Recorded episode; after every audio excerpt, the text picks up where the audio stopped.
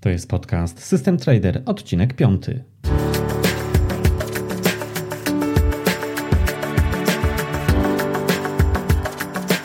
Interesujesz się inwestowaniem na rynkach kapitałowych? Szukasz swojego sposobu na oszczędzanie i pomnażanie pieniędzy? Zastanawiasz się, jak postawić swoje pierwsze kroki na giełdzie? Ponadto fakty, mity, wywiady i ciekawostki ze świata finansów. To i wiele więcej usłyszysz w podcaście System Trader. Zaprasza Jacek Lempart. Z tej strony Jacek Lempart. Witam Cię serdecznie w piątym odcinku podcastu System Trader. Gościem dzisiejszego odcinka jest Linda Bradford Rushki, prawdziwa legenda w świecie tradingu. Linda obecna jest na rynkach finansowych od 1981 roku. Posiada licencję CTA, czyli profesjonalnego doradcę inwestycyjnego w Stanach Zjednoczonych.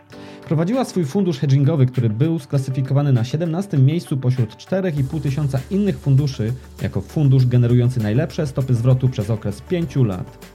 Jack Schwager dostrzegł wielki talent Lindy już w 1992 roku, robiąc z niej jedną z bohaterek jego słynnej serii książek Market Wizards, czyli Czarodziei Rynku.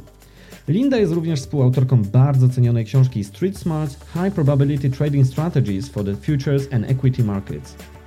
Tym odcinku Linda opowiada m.in. o swoim podejściu do tradingu, o zmianach jakie zaszły w ostatnich dekadach na rynkach finansowych, czy o swoich doświadczeniach podczas wielkich krachów finansowych. Daje również wiele praktycznych porad dla każdego, kto chce zarabiać na rynkach finansowych.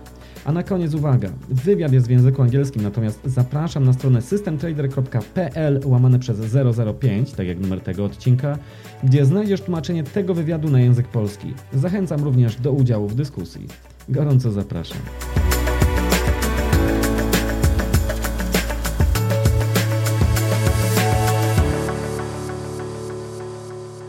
Hi Linda and welcome to my podcast. Hello. Thank you so much for having you here today. You are among the most renowned traders, so that many people already know a lot about you. Could you please, however, give us some short background of your trading career? Well, I, I started back in 1981, so I guess I've been trading for about 37 years now. And I started as a floor trader making markets in the equity options uh, when things were inefficiently priced. And that opportunity is no longer there. Um, I guess you could say I've done a little bit of everything uh, in terms of types of markets traded, and I ran a. I was a CTA since 1991, and uh, traded for several hedge funds. Had my own hedge funds, and uh, basically retired three years ago. But I still uh, trade for myself every day. Okay, thank you. So, what is your current trading approach? I know that you're trading now on your private account, but have you changed anything within your approach since your retirement? No, it's the same as it always has been. I am 100% technical uh, in my approach using price.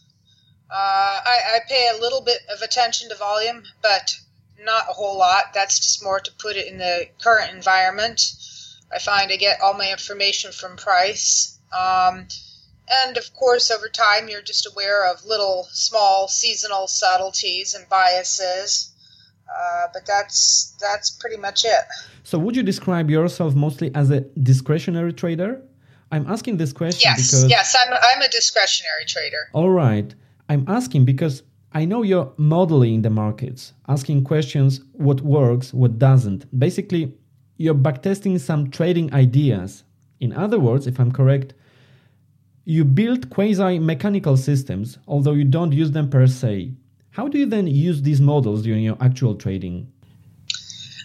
Um, yes, I, I, I don't build mechanical systems, but I do do modeling, and I pretty much have stopped doing most of my modeling as of about seven years ago. I feel like, you know, I, I've modeled everything I can model, and the the ideas and principles that I use are pretty durable and robust. So mm, they serve me just as well now as they did 10 years ago and 20 years ago. So they just give you an initial bias, and then you uh, see how the market behaves the next day in accordance with your bias and, and where the supply demand imbalances are and uh, take it from there. So most of my modeling is just there to give me my initial game plan, if you will. Um, but I, I don't really treat them as systems. All right, I understand. You control everything by yourself. I mean, you don't, let's say, trust the system, so they're just telling you where you are. Right. For example, in my modeling, I might ask the model, you know, if I went long on the close and exited on the close, the next day what is my edge or you know what what is the probabilities or however i want to um, ask the question. So i'll do things from like close to close or open to close or perhaps a uh, a breakout point intraday to the next day's close those types of models. But if you know during the trading day i can get in better or i can exit better you know which sometimes you do sometimes you don't um, then that's how that's how it ends up unfolding. But they're not mechanical entries, but you have to have some basis by which to, to test your models. Okay, I understand. Are you creating your models for a specific type of market mode in mind? I mean, bullish or bearish, for example? Or maybe you prefer to have, let's say, universal models for all kinds of markets? Basically model structure, price structure and price behavior, and it doesn't really matter if it's the S&Ps or the cows or the Canadian dollar. Of course, individual markets have differences, subtle differences. You know, the uh, cattle market's going to have differences than the um, interest rate markets, but um, it's just it's just overall market structure. So if you think about the most basic type of technical analysis, um, you know, higher highs, higher lows, or chart formations, uh, support, resistance, increasing momentum, decreasing momentum, you know, the degree of noise, um, just simple things like that. And which markets are the most favorite ones to you? I like the um, I like the futures markets. That's that's what I prefer to trade. So the index futures, the currencies, the interest rates, the metals, the energies, um, the grains, these types of markets. And do you like day trading, or maybe you leave some positions opened overnight? I like making some day trades, but I you know most of the money is is made holding something overnight or being able to capture the trend for the day. If you if you've got the main idea right, there's no point in going in and out and in and out, you know, just to show that you can make winning day trades. You're better off if you if you entered on the opening and exited on the close, especially on a day like Friday, you know, which of course you never know in advance it's going to be that type of day. But um, I, I, find a better edge usually in, in, holding a position overnight or putting it on in the evening or um, you know holding for two or three days uh, that type of time frame. I remember that in the book of jack schwager from 1994 if i'm correct you mentioned that your goal is to be profitable every day. Of course in reality it's not possible to be so consistent i guess. Anyway is it really still the case that you're trying to be profitable every day or every week? Sure, but you know, that's that's just talk you know you there's always unforeseen things that can happen. Um, i think a better way of putting it is you know just to approach each day fresh you know what how am i going to make money today? How are my positions going to work today? You know that type of uh, thing you know, instead of trying to look too far out in advance, you know, like where's the market going to be a week from now or a month from now and predict. So instead of, you know, trying to predict or forecast uh, a level or a course of action too far out, I'm like, okay, I'm just going to deal with today and see how that uh, plays out. Okay, I understand. Could you please share with us ratio between the winning and losing trades? I mean, do you have any goal here you want to achieve?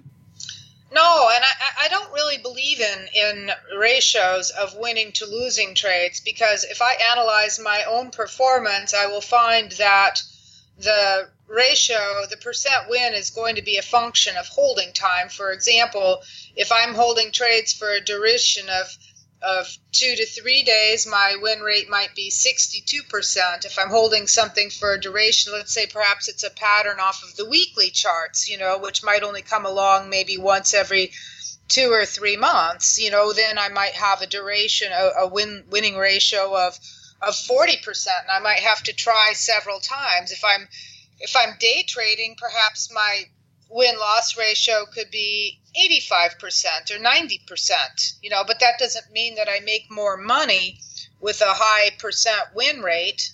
You know, uh, trend followers can make a lot of money if the environment's right, and they might only have a percent win of 30%. So it depends also how tight is your risk management. Are you going to um, be quick to exit if it's not working out, but then try again. You know, that's okay if as long as it doesn't get to be over trading. So I really steer away from all those um, statistics like that. I don't think they really serve the trader.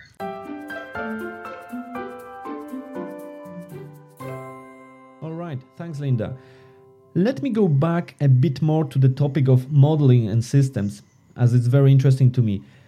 I want to ask you a question how do you reoptimize or adapt your models correctly? Because the markets are changing, right? No, I haven't. Uh, I haven't optimized or you know anything like that for 30 years. Uh, you know the reason is my models are pretty basic. I, I never use more than one or two variables and maybe one filter.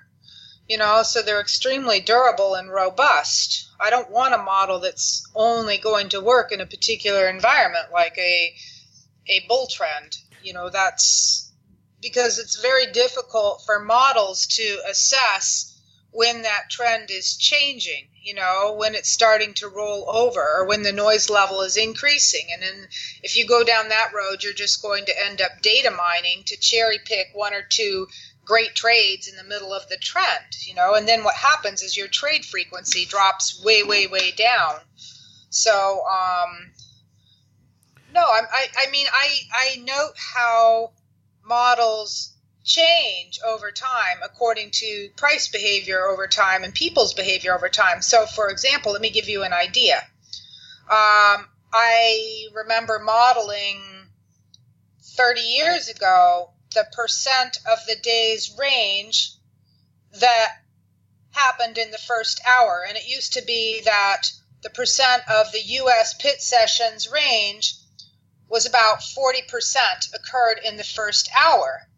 And then when we remodeled that 15 years later, the percent of the daily range, and of course, this is over a very, very large number. So, you know, over a sample size of 500 days, you know, the percent of the uh, days range in that occurred in the first hour had gone up above 60%. So, obviously, employing a strategy like a breakout of a first hour's range to initiate a trade uh, was no longer so timely. And that's because the urgency you know, off the opening price and the inflows of money and uh, increased bandwidth and so forth and so forth um, had changed the efficiency level there. So that type of modeling tells us something, but it doesn't mean that we're going to necessarily, or I am going to necessarily uh, change a strategy. I'm just going to make note of that. And uh, I don't do breakout of first hours range. I haven't done that for 25 years anyway. But uh, it's just noting a change in the urgency. Um, when you start modeling higher time frames, uh, and you do it over large sample size, you know, I find that things really don't change at all. What changes is people's bias. You know, people tend to remember the most recent events and overweight them. So they're not looking back how markets traded 20 years ago or 30 years ago or on the other side of the world. They're always going to be biased and overweighting more recent events. So people tend to not use large enough sample sizes in their own modeling. And it's human nature to try and want to put something in a black box, you know, uh, to try and engineer a, a perfect equation that you can solve. That's a bit of human nature. But the markets are not a closed universe, it's not a, a closed system. So you really can't do that. And, um, you know, you have to accept uh, a certain amount of um, things that are going to be well beyond your control. So I think that people tend to spend too much time modeling uh, things looking for predictions, forecasting, um, levels, these types of variables, and they don't really spend enough time modeling their risk management and uh, uh, you know trade execution strategies and trade management strategies which are much more appropriate to deal with the type of data that we're dealing with where you have you know very very fat tails and uh, low frequency of the events that impact uh, the markets the most, which makes it difficult to model, right? so that was kind of a wordy response, but I, I, hope you got the main idea. Yes, yes. Thank you very much, Linda, for sharing that. Um, actually, I wanted to ask you how to cope with um, data mining and curve fitting pitfalls, but you've just answered that question at least to some extent. Um, system traders are facing that problem very often when they test the models very heavily, when they heavily adjust the models to the historical data. And of course, they get a very nice looking results, but it doesn't work in reality. Um, how do you backtest your models so that you're absolutely sure that what you see is not a data mining bias or simply curve fitting? Do you have any specific procedure here? Well, there's two things. First of all, again, back to the thing of sample size, and usually when we do it, when we do our modeling, we do it in three-year blocks, those those three-year chunks. So let's say I'm modeling something and I'm looking at the data for the nat gas market. You know, I'll do it 2000 to 2003, 2003 to 2006, 2006 to 2010. You know, basically three-year blocks, so that I can see if there was a bias, you know, for bull market, bear market, how it changed, stuff like that. And then I always do a portfolio. So I look at 20 different markets and I say, is this working across the board? Is there a commonality here to that? You know, so if I have 20 markets and I'm modeling something, I might see that 18 each year are profitable and two are not, you know, and so you can start to see the nature and the personality of the individual market. So that's one thing that, that, uh, you know, I find it has to work on, you know, multiple products, different environments, so forth and so forth. And then the other thing is that you want to make sure that your model works across a spectrum of, of parameters. So, for example, I'm going to test exiting close day one, day two, day three, you know, or open day one, close day one, open day two, close day two type of thing. And I want to see some type of positive expectation you know, across uh, several different exit strategies. You know, maybe one quarter, one strategy might be ideal, and the next quarter, a different exit strategy might be profitable. But I want to see that there's a positive expectation across multiple ones, you see? So, I, and that changes from quarter to quarter, and it changes from year to year. You know, same thing with, uh, let's say you were just doing a basic generic trend following system per se you know, I want to see that if I was entering on an 18 day breakout versus a 20 day breakout versus a 22 day breakout, that I would have a positive expectation in any uh, trigger point, you know, and of course, how you manage it is going to be a, another thing. Um, so, I think that's really important that you want to look at your models and, and say, okay, are they going to work across a broad variety of parameters and then that's what builds your confidence level you know and that's also what makes sure that your models are going to be durable and robust and i think those are the most primary considerations you know in in our uh, markets that we have. Thank you linda for that.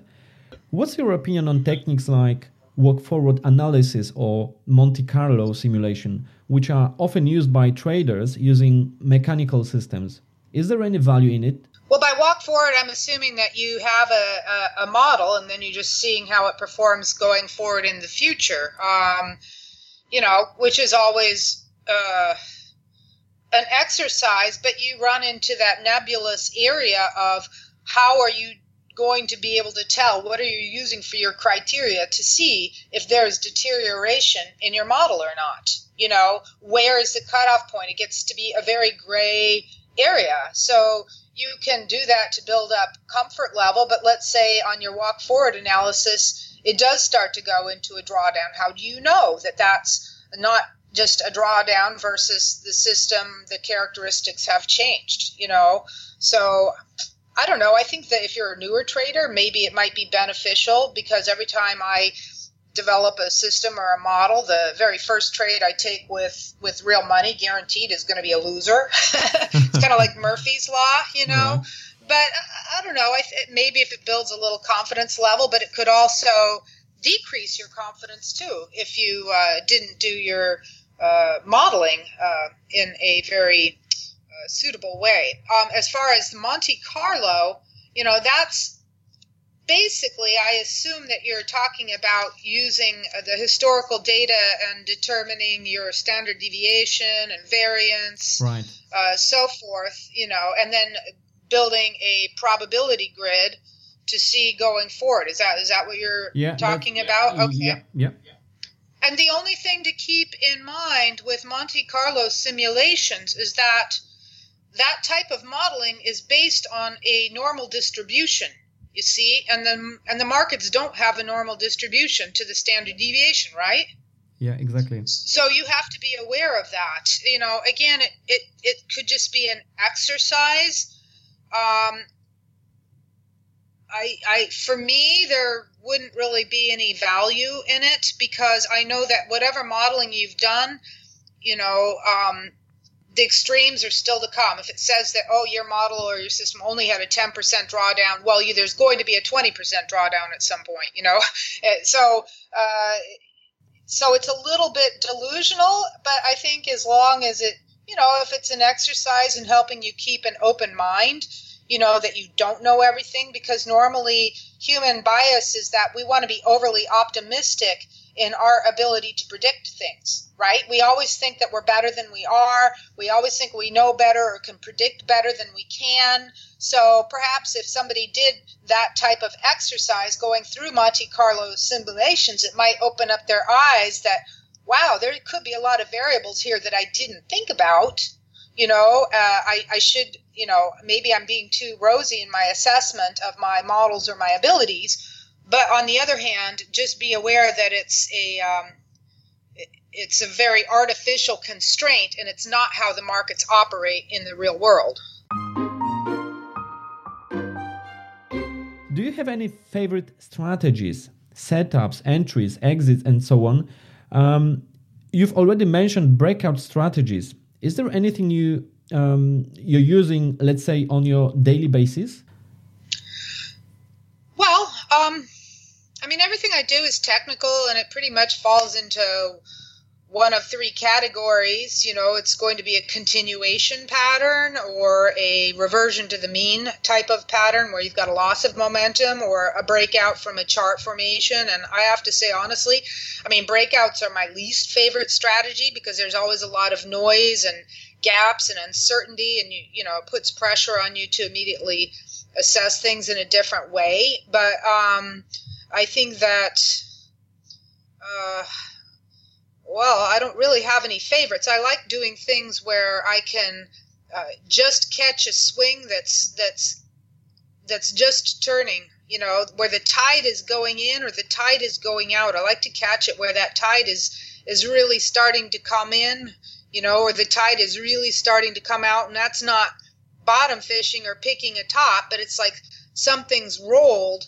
You know, and we're just ripe for that flush. You know, that that flush of all the longs, or something's sort of found a base and perhaps is just ripe for a squeeze of the shorts. So, I mean, that it would be something that perhaps would mm, be able to capture more of a trend day. You know, I like the I like being able to catch a trend day, um, and you might only get two of those per month per market, you know, but those are a great feeling because once you know you've caught the tiger by the tail, all you have to do is is is ride it mm. all day. You know, I don't want to take it for granted that it's going to close on the opposite end of the extreme, but you know, you sort of know when when you got the got the whole thing right, you know, and then it's just a matter of can you increase your leverage on certain spots. Sure, thank you.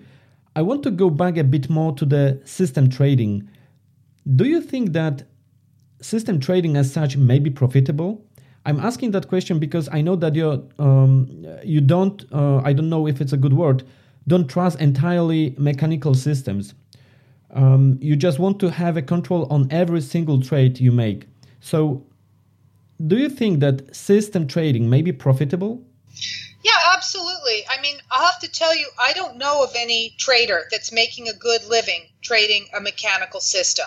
Okay, so I'll just put that out on the table. I know a zillions of traders I don't know of anybody that's making a great living for themselves over like a five year to 10 year period. I mean, obviously, in the last couple years where you've had an environment of uh, exceptional money flows, you know, you could have people that, oh, wow, it's easy. I've, I've kicked, you know, uh, done done very well in the last three years. But I don't know of anybody that's just doing a mechanical system for their own account, 100% mechanically, for the last 10 years. And I know a lot of people.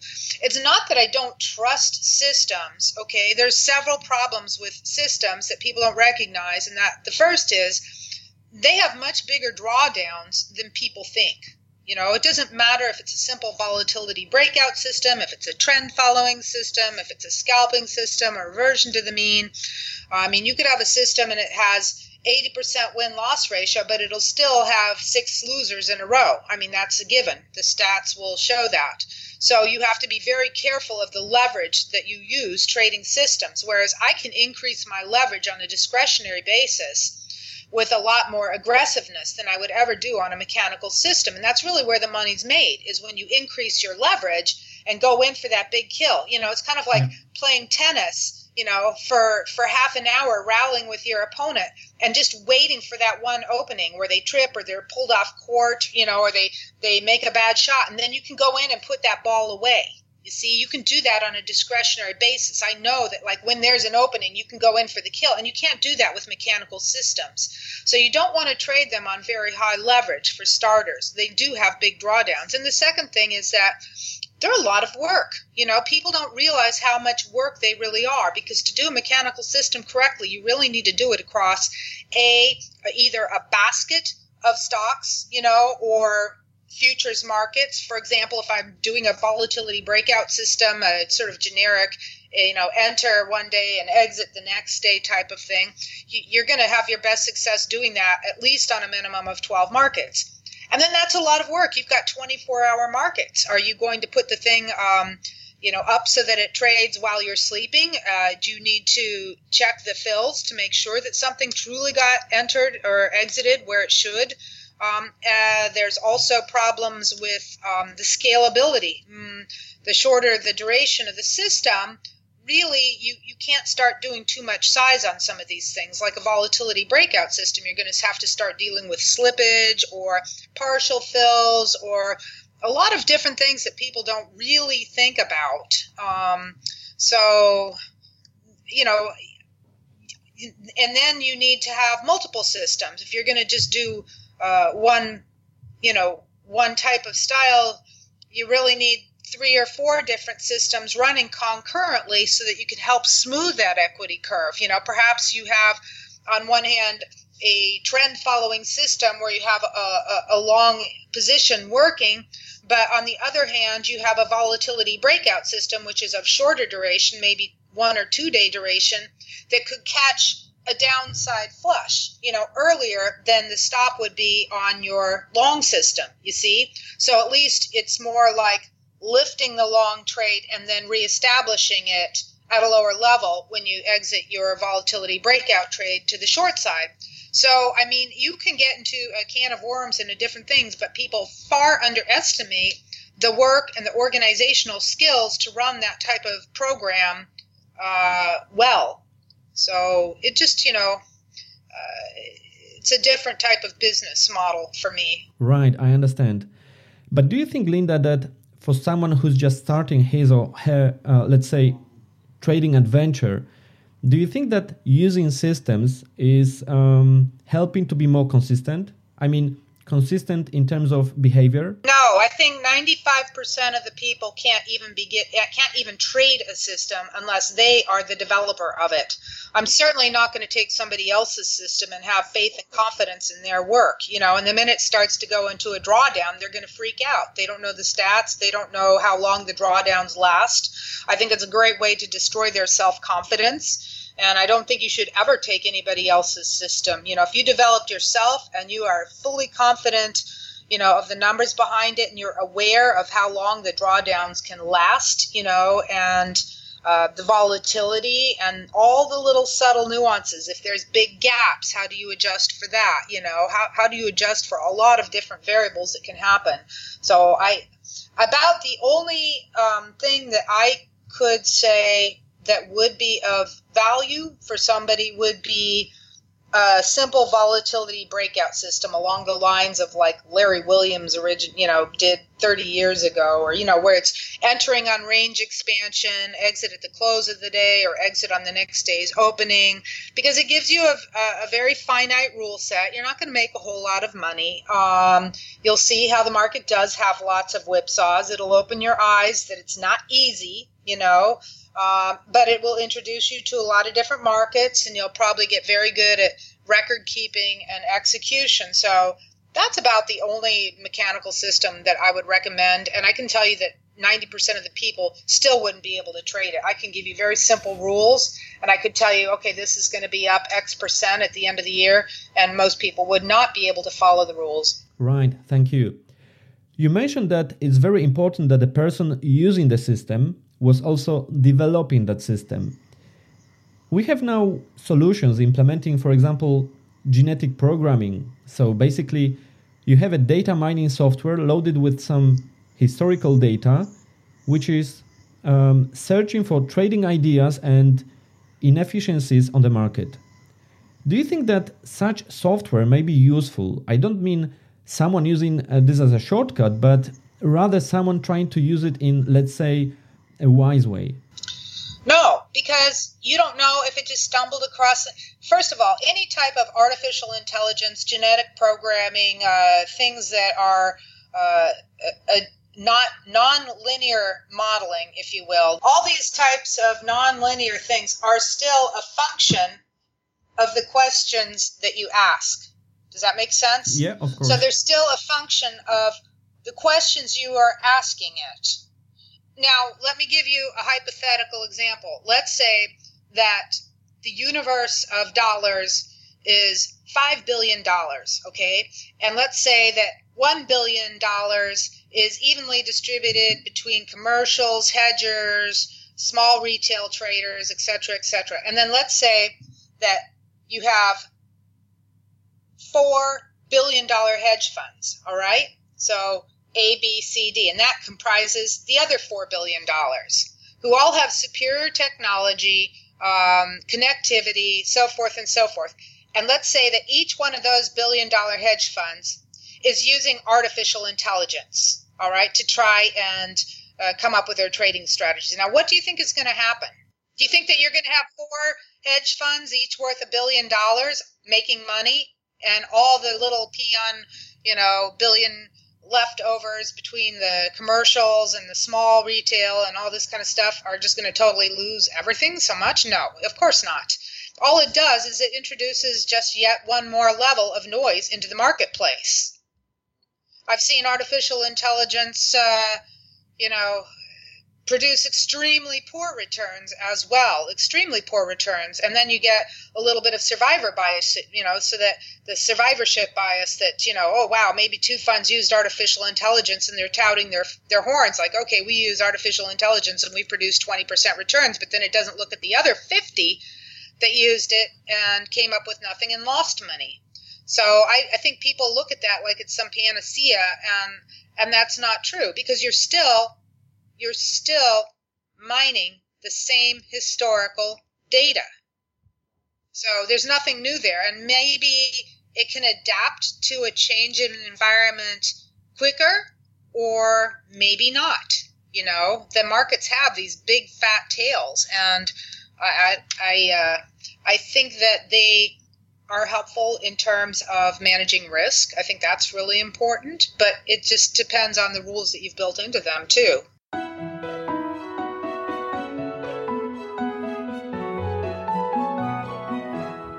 Thank you, Linda, for that. It was very valuable.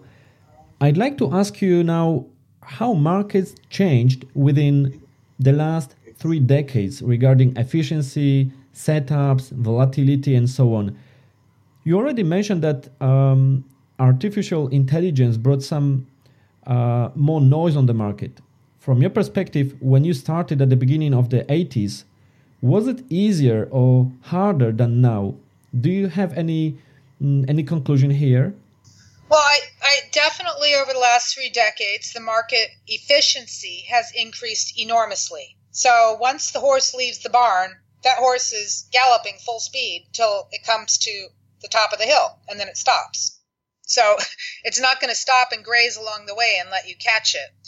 And um, so everybody's smart. Everybody is instant information. So the efficiency of the moves and the markups uh, is as great as it's ever been. But conversely, the noise levels are much higher as well. So once the market starts to consolidate or is in a congestion zone, the bands, the channels, the ranges are um, much wider. And part of that is you have a broader spectrum of market participants on multiple time frames. You have everything from the, you know, two minute algos to the you know long-term commercials to the you know all, all, sorts of market participants. So the markets are very mature compared to what they were a number of years ago.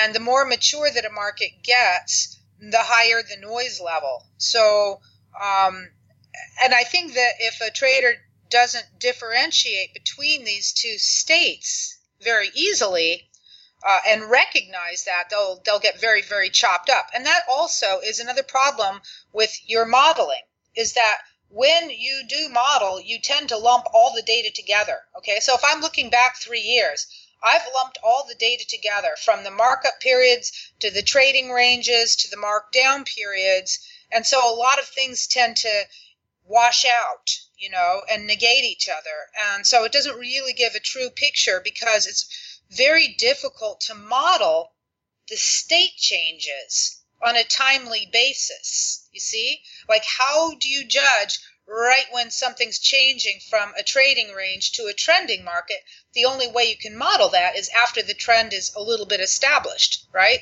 But in the meantime, you know, it, it, it does a disservice to what you think the market really how the market is really operating if that makes sense. So the efficiencies there the speed you know uh, by which things are trading is much greater. For example i can have resting buy stops uh, in the marketplace and i will hear them get executed on my trading platform uh, before i see the price trade on the chart okay? Uh, or before i see the price change on my quote board. I will hear it executed on my trading platform first.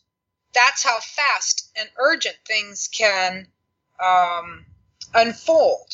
So, uh, I think on one hand, trading is easier than ever because the average range is greater than ever. I mean, gosh, the opportunity is crazy insane. I mean, just huge ranges for for everything compared to what it was 30 years ago, you know, and um, I think that provides huge opportunity. But on the other hand, it could be much trickier for a newer trader because there's so much data and so much stimulus and overwhelming uh, amount of information. Uh, I think it could be much more difficult for a newer trader.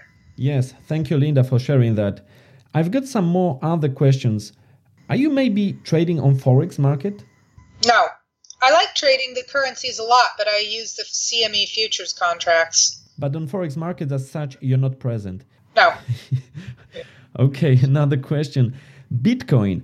This is um, a very hot topic recently as well. Mm, there are two futures contracts available now on Bitcoin. Are you maybe trading any of them? No. okay, that was quick. But it's very volatile market. It's a and, stupid uh, contract to trade. It's totally bogus market. It's just a big fad. The spread between the bid ask is hugely wide. The liquidity is terrible you know it doesn't it's not even going to be around uh, two three years from now there's so many flaws in this product it's a joke you know there's going to be better blockchain technologies than bitcoin so i you know i don't see any point in trading it at all. And do you and do you see any future for bitcoin or just you think it's um, it's another bubble? No. It's not that it's a bubble, it's an early prototype model of what could be perhaps a better uh, means of transactions. You know, there's lots of different, I mean, obviously, I think Ethereum would be more popular than Bitcoin five, ten years down the road, and who knows what they will develop. But, uh, you know, Bitcoin's very primitive and has so many flaws and security risks and I think anybody would be totally stupid to keep your money in a product that could be hacked and you have no resource, you know, no protection, no nothing. So, um, you know, nobody's guaranteeing your money there. So I, I don't think it'll last. And, you know, it just, it's very very costly. You know I, I can make a charge with my mastercard or my credit card and it hits my iphone in like two seconds. It's like bing this thing just went through. And bitcoin you know i don't know. It's it's not an instantaneous transaction so. Thank you linda for that. Um, nowadays especially young inexperienced traders are exchanging some trading ideas over the internet some of them probably are trying to follow the crowd, I guess. Others, on the other hand, uh, let's say demonstrating what they do on the markets, sharing uh, the trades, for example. Do you think it is an efficient, right way of uh, learning to trade? What? Just looking at a mishmash of crap on the internet and trying to figure out who knows what they're doing and who doesn't and who's really showing all their trades and pounding their chest and just only showing good trades and this and that and noise uh, I, don't know. I, I don't think it's a very good way. I think it's a huge distraction. I mean, do your own work. Just all you have to do is study basic chart formations and, you know, learn to see something for yourself. I, I, uh, I mean, I don't look at the internet. I don't look at Twitter and all that crap, you know. But if somebody finds that they're making money doing that, great, you know. But I think for probably 99% of the people out there, it's going to disrupt their concentration and be a huge distraction. How can I watch the markets and study the charts when I'm trying to read what a zillion people are saying? I, I don't know. I just don't understand that. okay, thank you, Linda. Um, so uh, when you're trading, uh, you're cutting off from all the stuff like Twitter, Facebook, and so on, right? Um, you put this aside. Um, you're, fo- you're, you're focused on trading and don't want to have any distractions, right? Oh, I think that's Pandora's box. I, I mean, I'm trying to picture somebody like Paul Tudor Jones reading Twitter. You know, I just don't see that happening. You know, some big hedge fund manager looking at what the Twitter is saying. I mean, you know, picture all your great traders out there and trying to picture them reading a Twitter feed. It just doesn't make a pretty picture. Yes, so it looks as from one hand it's easier nowadays with all the software we have, access to the internet and so on. But on the other hand, it's a Pandora's box, as you said, because it brings a lot of distraction and the information we can get there is mostly junk. Yeah, I mean, the best traders I know don't say what they're doing, you know? Why would you do that? Why would I tell somebody my what I'm trading? Uh, why would I do that? You know, why would I say, "Oh, I'm looking to buy the dollar here or short the dollar here"? Why would I do that? Why would I say, "Oh, I'm long gold"? Why would I do that? It doesn't make sense. I don't want people to know my position. I don't want them to know what I'm doing. So why would I want to read what somebody else is doing? What would their motives be for doing that? You know, somebody paying them if they're right? No, you know, they should be happy with their own account and their bottom line. I just don't understand you know the motivation for somebody doing that. It's not from the goodness of their heart because they're trying to teach other people how to trade. You know it must be because they have a freaking huge ego that can't get satisfied any other way. I just think that trading is a function of concentration and focus. And I don't understand how you can concentrate and focus on your game plan and, you know, and where the opportunity is if you're trying to read a string of gobbledygook. But, you know, I don't know, maybe if you're 22 years old, you have a special gene in your brain that I don't. You know, I'm older, so I'm old school, but, uh, you know prove it to me if you if you find that you've made money for three years in a row you know trading off twitter then keep trading off twitter but i think it's going to hold people back i just don't see real traders using that as a viable methodology thank you linda for sharing that um, that's my opinion only okay i've asked this question uh, because i see such behavior pretty often to be honest i'm also old because I don't understand well the idea behind all this social media stuff used in uh, such a way. Information that comes out in print or type is already after the fact. Okay, it's already been discounted, in my opinion. You know, it's no different than when we were standing on the floor 30 years ago and we had two tapes that would go across the top of the room, you know, with all the news. Like, uh, was it Bloomberg and Reuters? Like one was, or Dow Jones and Reuters, and one was always two minutes ahead of the other. And I mean, you could see we would get orders into the trading pit.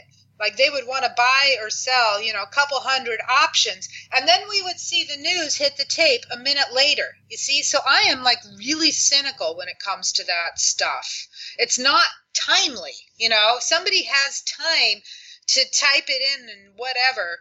You know, the big money's it's it's it's history. You know, it's not going to help you.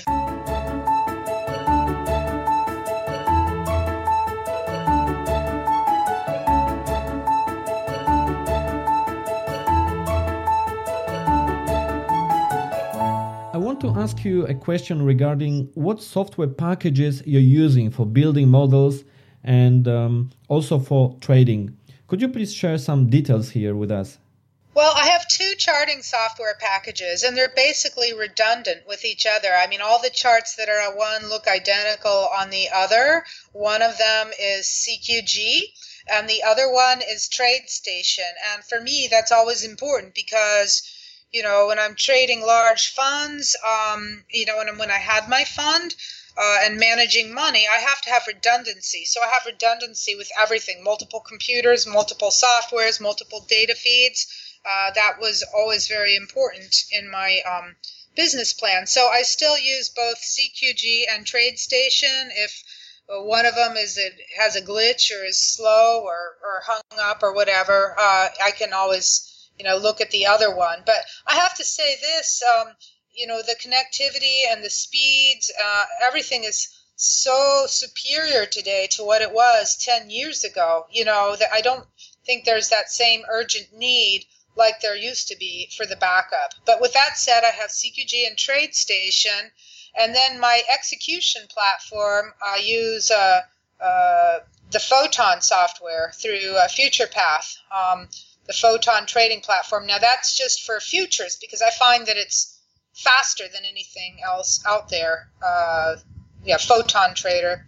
And um, for me, I like to have an execution platform that isn't bogged down by layers of uh, infrastructure and charting and this and that. So I can tell, like with my platform, I'm faster than any other thing that would have these layers of uh, analytics and so forth built into them. For if I'm trading stock, which I do a little bit, I mean, TradeStation is fine. If uh, you know, I do maybe two percent of my stuff uh, like stock, you know, or occasionally an ETF. And my time frame is of longer duration, so I really don't need that urgency with the execution. And and I think TradeStation has you know quite a variety of of products that you can trade through it. So I think it really depends on what on what you're trading. If I were doing weekly options, uh, I would probably use Interactive Broker.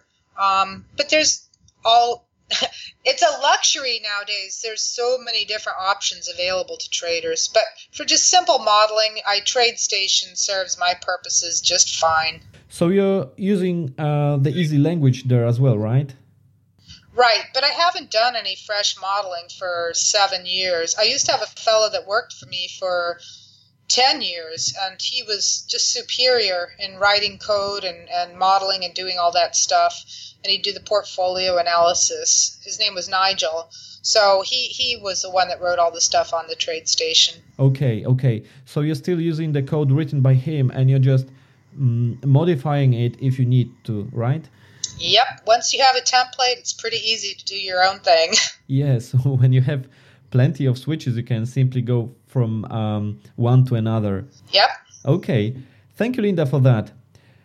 I read in one of the interviews from the past that you're a strong believer in the chaos theory. I'm mentioning this now because I'd like to ask you if it means that you don't believe in forecasting, especially the long term forecasting. Am I right? Two different schools of thought to that. First of all, I don't believe in predicting or forecasting markets period. You know I, I there's too many things that can happen the further out you extend your time horizon. You know there's too many new variables that could be introduced. I mean north korea could decide to fire off its nuclear weapons. Who knows? You know there's just too many different things that that could come into play.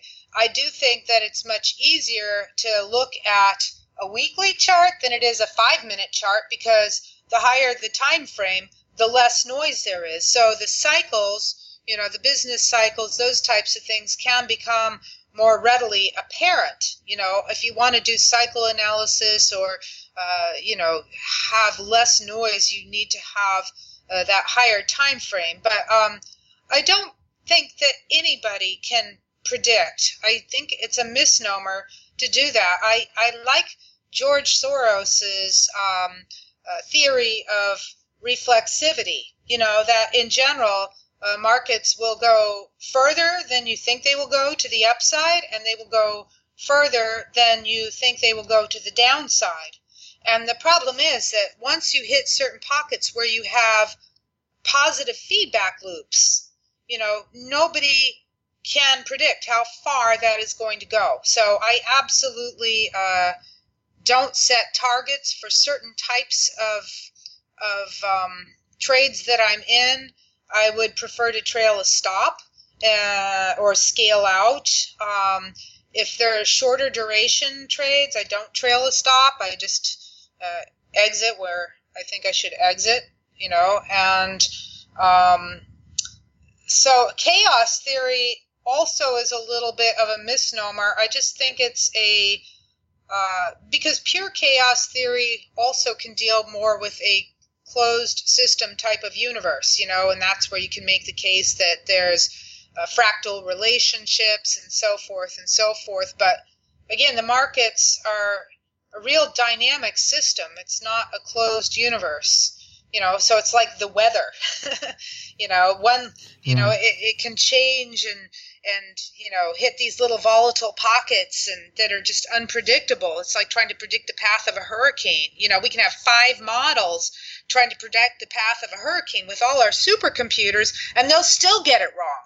You know, so I, I think. Uh, I think the emphasis on prediction is overrated, and the emphasis really needs to be redirected towards cutting losers very quickly. That's that's all I can say, you know. Okay, so if I understood correctly, does it mean that you may predict to some extent the direction, but not the magnitude. No, you can't even predict the direction. I mean, you can say, well, the odds favor, you know, that uh, let's say we had two high to low days and we're in a trading range environment. Well, the odds would favor that you should have a low to high day, you know.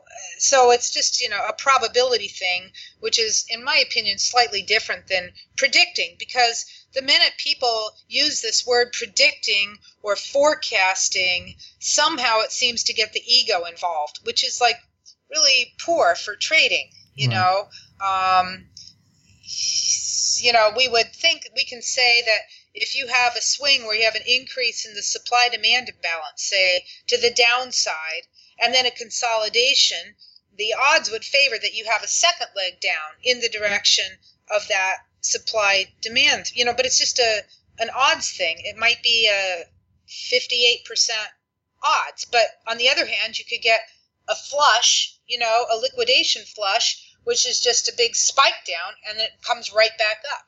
So the minute you try and predict, you take away all your flexibility as well. Thank you, Linda, for sharing that. I know that you were on the market when there was uh, the crash in 1987. Uh, actually, you were not from the very beginning, but eventually you opened some big position on the S&P futures. Since then, we had a um, few more crashes, like for example, the flash crash from uh, May 2010. I'd like to ask you, were you on the market during the flash crash, and in general, how do you see such crashes from the trader's perspective? Well, it's so funny that you bring that up because I've, I've been writing a book. I don't know if I'll ever get it written, but it was basically um, uh, trading sardines. It was like fear and loathing in the financial markets, describing how I have been like on the wrong side of every major outlier, you know? because I remember like I put on like huge short positions. I had shorted like 600 S&P futures and 600 Russell futures on Friday afternoon the day that the Fed came out and said that they were going to rescue Fannie Mae and uh, Freddie Mac, you know, before the whole market imploded, you know. So I just put on my largest short position ever, ever. And then that Sunday night, they were gapping 45 handles against me, you know, on this news of the Freddie Mae, Freddie Mac thing. So I think I've been on the wrong side of a lot of things, you know, where it's been these outlier things.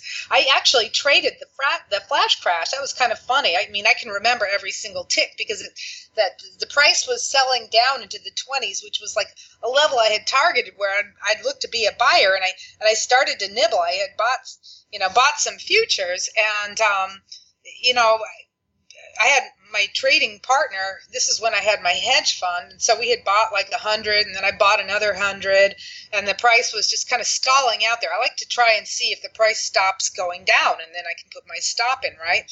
And um, I remember they were like around 28 and all of a sudden they just dropped to 22 and then they dropped to like 19 and my first re and i hadn't even had a chance to put in a stop right this is like on 200 s&p futures and my first reaction was oh my god there's been a nuclear bomb going off somewhere so i immediately hit flatten okay so i immediately flattened the account which just is like getting rid of everything at market. I love that flatten button. So I flattened, and that cost me like another three handles. They dropped to 16, and then they went 05, they broke through the handle 90, 80, 70, 60, all the way down to 55. Like it was like all of a sudden they were like 65 handles lower in, in like two minutes, you know?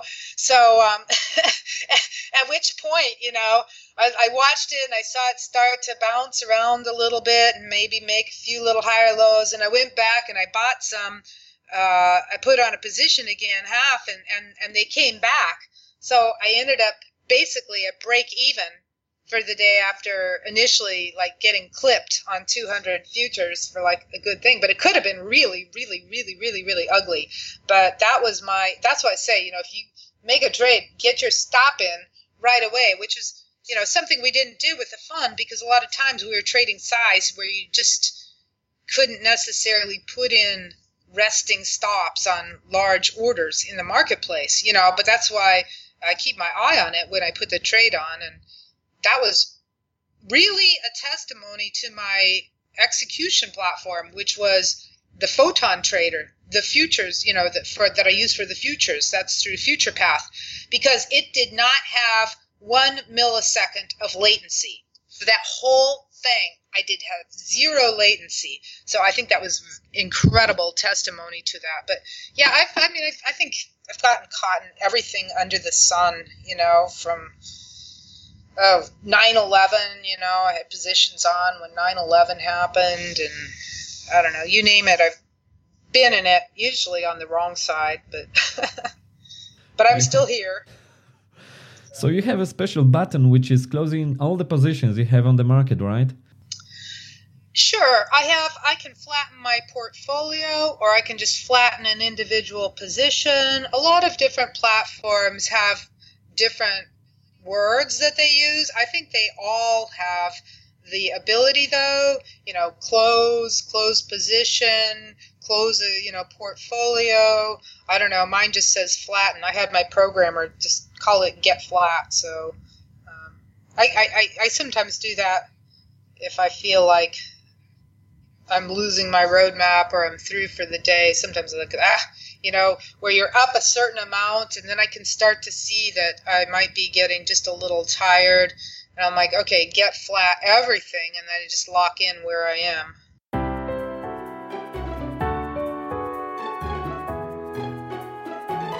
I'm asking also because I often see on the internet that men like to be a macho type in trading. Do you think that women may have some advantage here over men being more composed?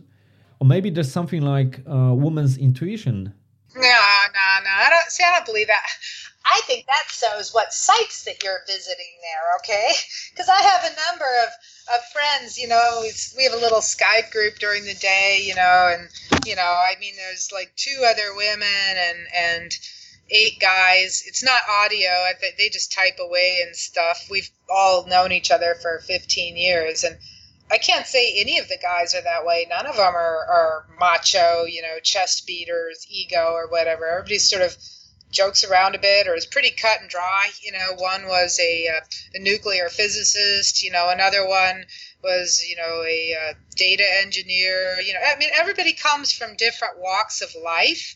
And uh, I don't see that men are, you know, macho type in their trading. I think that maybe you have a bias built in to the types of people that are posting on Twitter or the internet, right? That they might be more macho and those would be the types that would mouth out there on the internet. But maybe that could be just 1% of the male population of traders out there.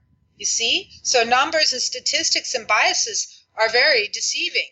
Um, so, and, I've seen um, women who are stubborn and women who are quiet. There's just not as many women that are vocal, but I do think that you have to have a fairly strong ego or sense of self to be a trader, you know, whether you're male or female, you know, because it takes a lot of gumption and confidence to go out there and put your dollars on the line every day. It's not for the faint-hearted, but uh, you know, the people that like to pound their chest and brag about their winning trade.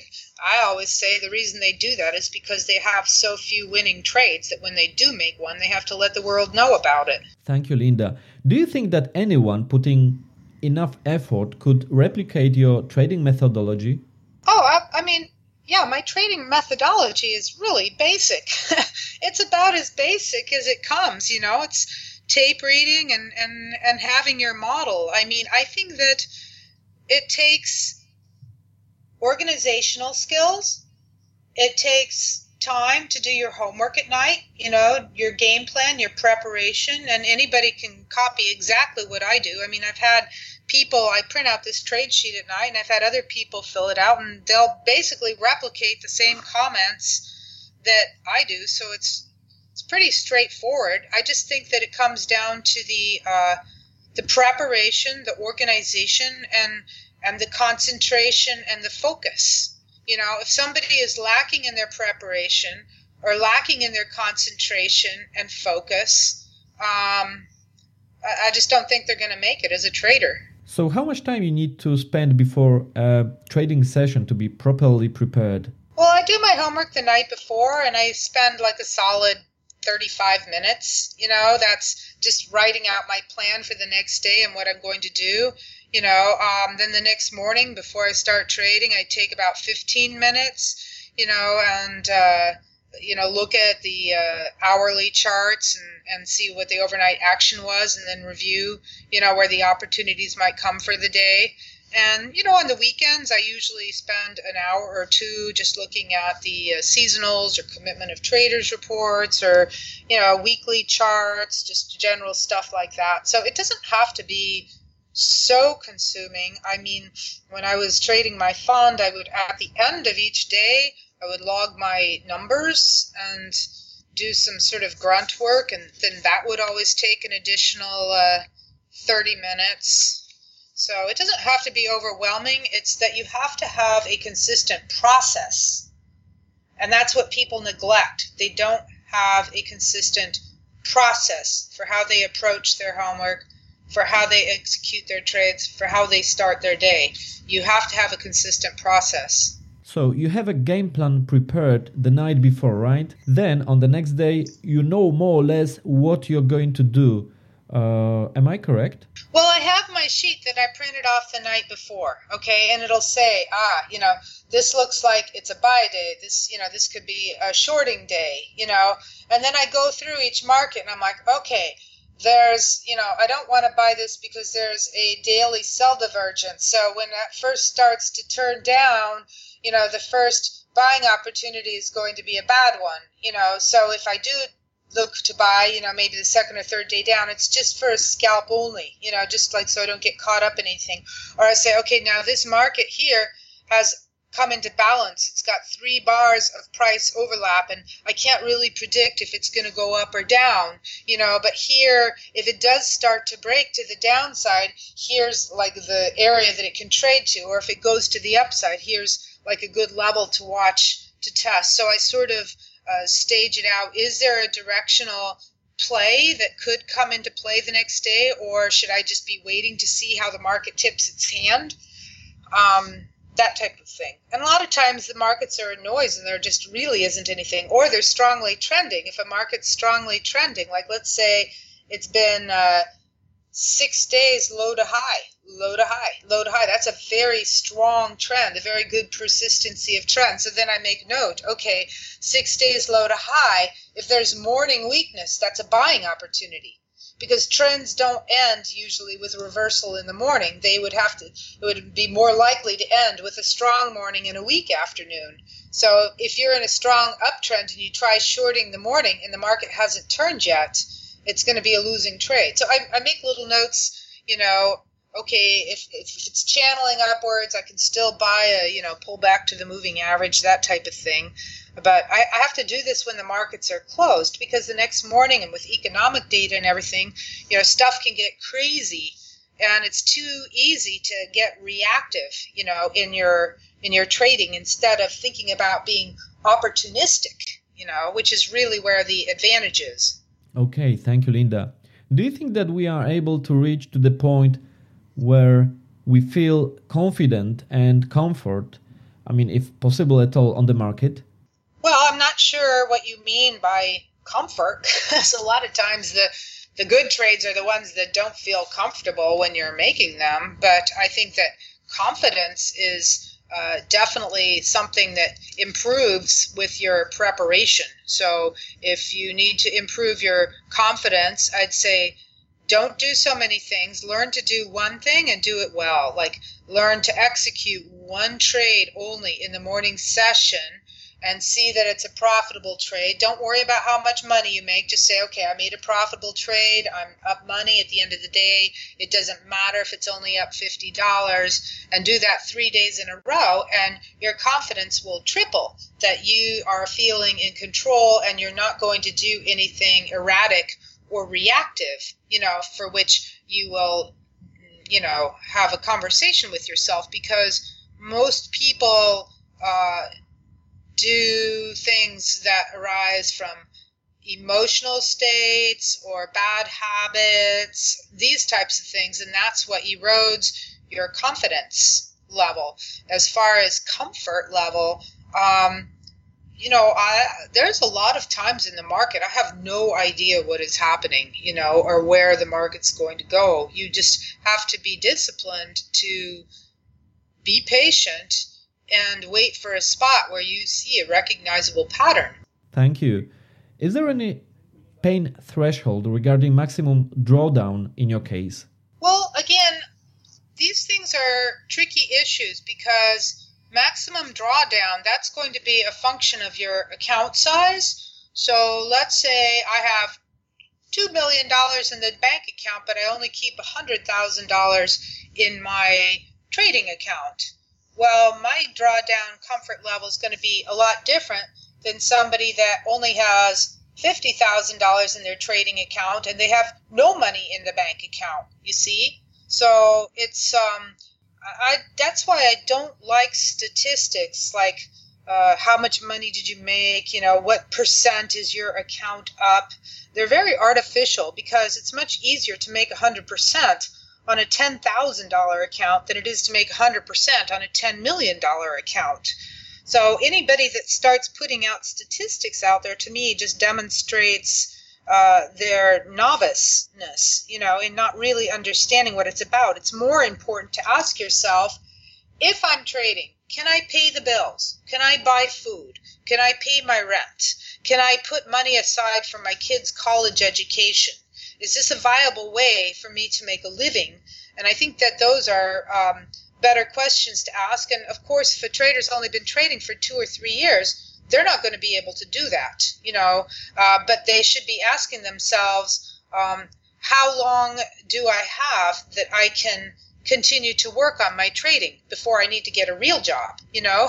Or are my parents going to support me for the next five years? Or am I really happy doing this, you know, uh, in the big scheme of things? It's fun, but I'm really not making as much money as I thought I could make you know, ultimately, I think that the real money is made when you get to the point where you can run your trading as a business, you know, managing money. Then I think that's really where the big money is made. So I would say if anybody is, you know, trading consistently with a 10 year trading record, um, they could probably be making five times as much uh, or 10 times as much or 100 times as much if they were able to, you know, start a fund, you know, trade for a fund, um, take it to a different level, you know, and I think that's really what differentiates uh, the pros versus um, the retail traders. And there's nothing wrong with being a retail trader. To me, it is the greatest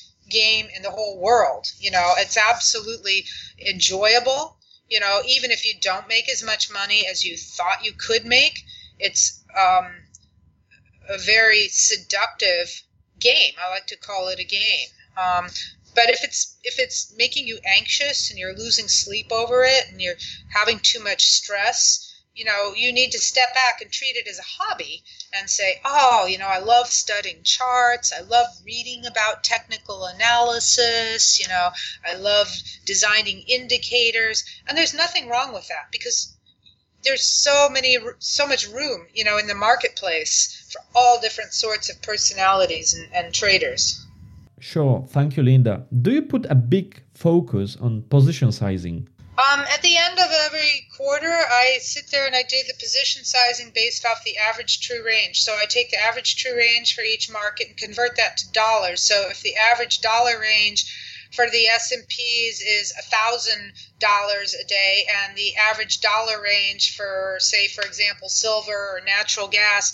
is $2,000 a day you know, and the average dollar range for corn, which is a small contract, is $500 a day, then I'm going to trade uh, twice as much corn as I would S&Ps, and I would trade, you know, half as much silver uh, or, or natural gas in the sizing as I would S&P. So it's all a function uh, for me of ATR, and then I keep that fixed. I keep that fixed for the quarter, and I can trade in uh, half units. So let's say for me, a full size unit is 10 contracts per million dollars. Okay, so if I'm trading $3 million, I'll trade 30 contracts. If I'm trading $1 million, I trade, you know, uh, whatever, you know, I, I've got it set at for that particular market. But I can also do half units. So let's say, for example, that I have a position on in the Nasdaq futures and the S&Ps. Well, they're fairly correlated, so maybe I'm not going to put a full unit on. You know, so uh, there's a, you know, I, I watch the correlation a lot, but you, I, I, try to keep a very fixed entry size. You know, and then. Uh, usually I don't put on a full unit. You know, like let's say my my unit size is uh, six contracts per hundred thousand dollars. You know, maybe I'm only just doing three contracts per hundred thousand dollars until I see that ah, you know, ah, the volume's here, the opportunities there. You know, the opponent's pulled off court. Boom. You know, then I go in and I put on a full position. But that's usually the exception, not the rule. Okay, so basically you're using volatility and correlations they play um, the key thing to you, right? Well, you have to be aware of correlations these days because if I have on short 10 year notes, short bonds, short bunds, you know, short gold, short yen. They're all fairly highly correlated. So I have a pretty big bet size on there. I better be aware of that. Thank you. Um, are you also involved in some long term investments using, for example, stocks, bonds, or ETFs? No. Right. Do you see a problem with uh, being isolated from, let's say, the external world when we trade at home? Well, I think the problem is, you know, it's a for me, it's temperament. I always had like people working for me, you know, like a trading assistant, and like when I had my fund, Nigel was there doing all our testing. I had Judd help with the order execution. He was just great eyes and a great trader, and it was slow. We'd sit there and talk about movies or joke, you know, a lot of humor, stuff like that. So um, I miss that. I miss I miss that a lot. You know, it's it's hard. I can see how an individual person could get really really bored. You know, or you know turn to Twitter feed or the, have the TV on or start surfing the internet. You know, which just end up being distractions. So I mean, what I did is I have this little group of friends on Skype um, but we don't do audio. You know, they just they tend to type a lot more than I do. I'm not really a typer, so you know everybody's known each other for a long time, so they tease each other or post links into jokes at lunch or silly silly stuff you know just silly stuff which you need you know to keep the stress down and stuff like that you know joking around about their mother or this or their girlfriend or their date you know it's so i think you need some type of interaction but you know you have to be it's a tricky thing. It's tricky. I in my perfect world i would have another trader in the same room you know and I, they don't even have to be trading the same markets that i do but it's just fun to be able to to chit chat during the day. Oh yeah you know like when it's slow you know what do you feel like for lunch you know that type of stuff Okay, thank you, Linda. We are getting slowly to the end, but uh, let me ask some more questions. How would you comment general opinion which say, for example, that technical analysis doesn't work or that looking at the charts is pointless? How would you reply to such opinions? Well, I mean, they're somebody's opinion. If you know, I mean, it's everybody's entitled to their opinions. I mean, charting and technical analysis again it's not a forecasting tool. It's not like you do fibonacci projections and say that the price is going to go to here. Technical analysis is uh, it tells you where the risk is you know it tells you where support and resistance is. I don't know how you can fault that. I want to know where support is and if that support starts to get broken, you know, or if the market's accelerating or it's losing momentum or if it's starting to consolidate in a chart formation. Uh, that's what charting is, and that's what technical analysis is. So it's assessing the current environment. Is it trending? Is there a supply demand imbalance? Is volume increasing? You know, there's I would I would say it's about as basic as you can get. Okay, okay. Um, what would you suggest to a person who wants to learn to trade? Which path to go? Which markets, which um, approach, for example, discretionary or maybe systematic or maybe mix of both? Well, I think you start with one market. Just pick one market only. I don't care what the market is, you know. And uh, th- then I think that you have to learn execution because what will happen is if you've never done it before, and the minute you start to make a trade with real money, I guarantee your heart's going to start beating, your adrenaline's going to increase. You know, it's a very unsettling experience. You know, it's kind of like jumping off a high dive into a pool, but it's at night and you don't know how far that water is below you, right? So I think that you have to sort of desensitize yourself. So I would just pick one market and just get a feel of placing an order, placing a stop, you know, exiting after a minute, just to get the feel of going in and out and not worry about making money uh, I think you have to do that right away. And that could take like a number of trades to sort of get used to it and build up a comfort level there, you know. And, and from there, it's just a matter of getting to know that market a little bit more closely. How does it open? Perhaps, you know, study a little bit about auction theory or, you know, d- different swing trading, understand looking at the highs and the lows, the Globex highs and lows, or the highs and lows from the day before. Um, you know, how does the price trade? trade around these levels. You know, if you wanted to do some basic modeling, what percentage of the time is it going to trade above the high or below the low or outside of the Globex range? You know, and just sort of build on it from there. You know, maybe if you're just starting out, look at a five minute chart and an hourly chart and kind of get your bearings. You know, pick a pick one moving average and one oscillator and, and learn to follow the market, do some basic tape reading, you know, watching how the price goes up and the price goes down, you know, maybe doing a little uh, paper trading or, you know, as the price is coming down, write down the price level. As it see, it's going 27.50, 27.49, 27.48, 49, 48, 49. And note the way that the price starts to change and trade, you know, when it's finding support, you know, and um, just really, really basic stuff. You know, stay away from stupid stuff like Fibonacci and Gann and all these projections and ratios and, and nonsense. You know, I mean, the big money is absolutely not made that way. You know, I just try to picture Paul Tudor Jones doing that stuff and you'll have a good laugh. You know,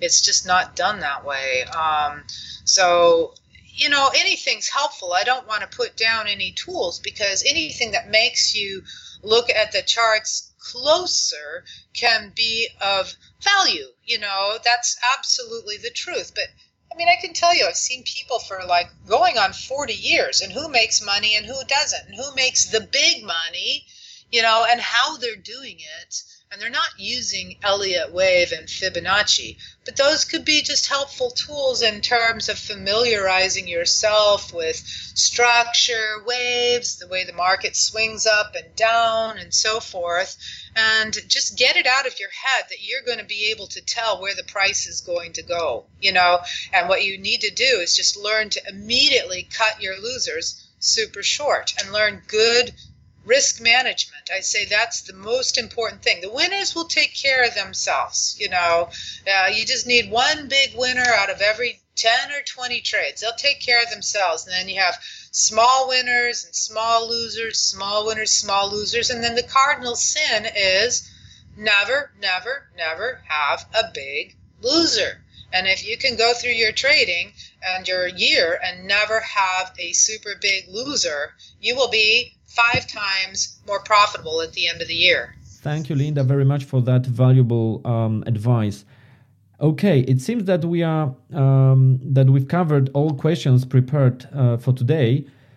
Do you maybe have anything you would like to mention before we finish today's podcast? No, I just say that you know have a lot of patience. It, it really, I've never seen anybody make a successful living uh, without at least three years of study. It takes a long time. You know, if you were going to become a medical doctor, what you do four years of college, four years of medical school, another two years of specialty. Then you have to do your internships and, you know, on and on. It's like a 10 year process. And people think that they're going to be able to be successful traders after just two years. And it doesn't work that way. You know, it's just because there's so many different environments and, you know, changing types of products and, a lot of variables. So just have a lot of patience and don't be hard on yourself. I mean, I make a million mistakes every day, uh, uh, you know, all the time. You know, the the worst mistake you can do is not do your own work and your own preparation and your own game plan. You know, but uh, but it's I have to say, it's like every day I learn something new. It's like the greatest education in the world. You know, every day there's new things, new you know, new companies, new business models, you know, cryptocurrencies, whatever it might be. I'm like, ah, you know, what are the CDIs? What are these? What are those? You know, and it's I feel like I have a PhD in in every area, you know, and there's still so much I don't know. So that's how I look at it. Like it's uh, it's fun because every day is different, and you have to approach it like that. That it's so exciting because we're seeing constantly new patterns and and new products and new markets, and uh, and that's it. If someone would like to learn more about you or to get in touch with you, what's the best way? Well, I have a website. I haven't posted anything for the last two months, but there's all kinds of research and articles on there. Um, I think it's just called lindaraschke.net. And uh, there's a little form there. It says contact, you know, contact us. And if they want to send me a question, I'm happy to answer it. And there's some resources in there. I don't have any products I sell. I don't sell uh, advisory or mentorships or chat rooms or do any of that. But hopefully, I've got a lot of information on there for free for people. Definitely. I was Linda on your website and I can recommend everyone to go there. It's full of uh, very valuable stuff and all for free. So, really great stuff. Linda, thank you very much for your time, sharing with us so many valuable stuff. I do really appreciate it very, very much. It was a great pleasure and honor to have you today. Alrighty, you take care. I must be late there now. Is it like midnight, right? Past midnight? No, actually, it's not that late um, as we have uh, six hours difference. Ah, okay. Yeah. Yes, yes, yes. Thank you very much for your time and all the best, Linda. Alrighty, you take care. Bye. Bye bye. Wow, to tyle ode mnie na dziś. Daj proszę znać na stronie systemtrader.pl łamane przez 005 jak numer tego odcinka. Co sądzisz o tym odcinku podcastu? Znajdziesz tam również wiele dodatkowych materiałów związanych z Lindą i wywiadem, jak i tłumaczenie w języku polskim. Tymczasem pozdrawiam Cię serdecznie, życzę wszystkiego dobrego i do usłyszenia niebawem. Hej!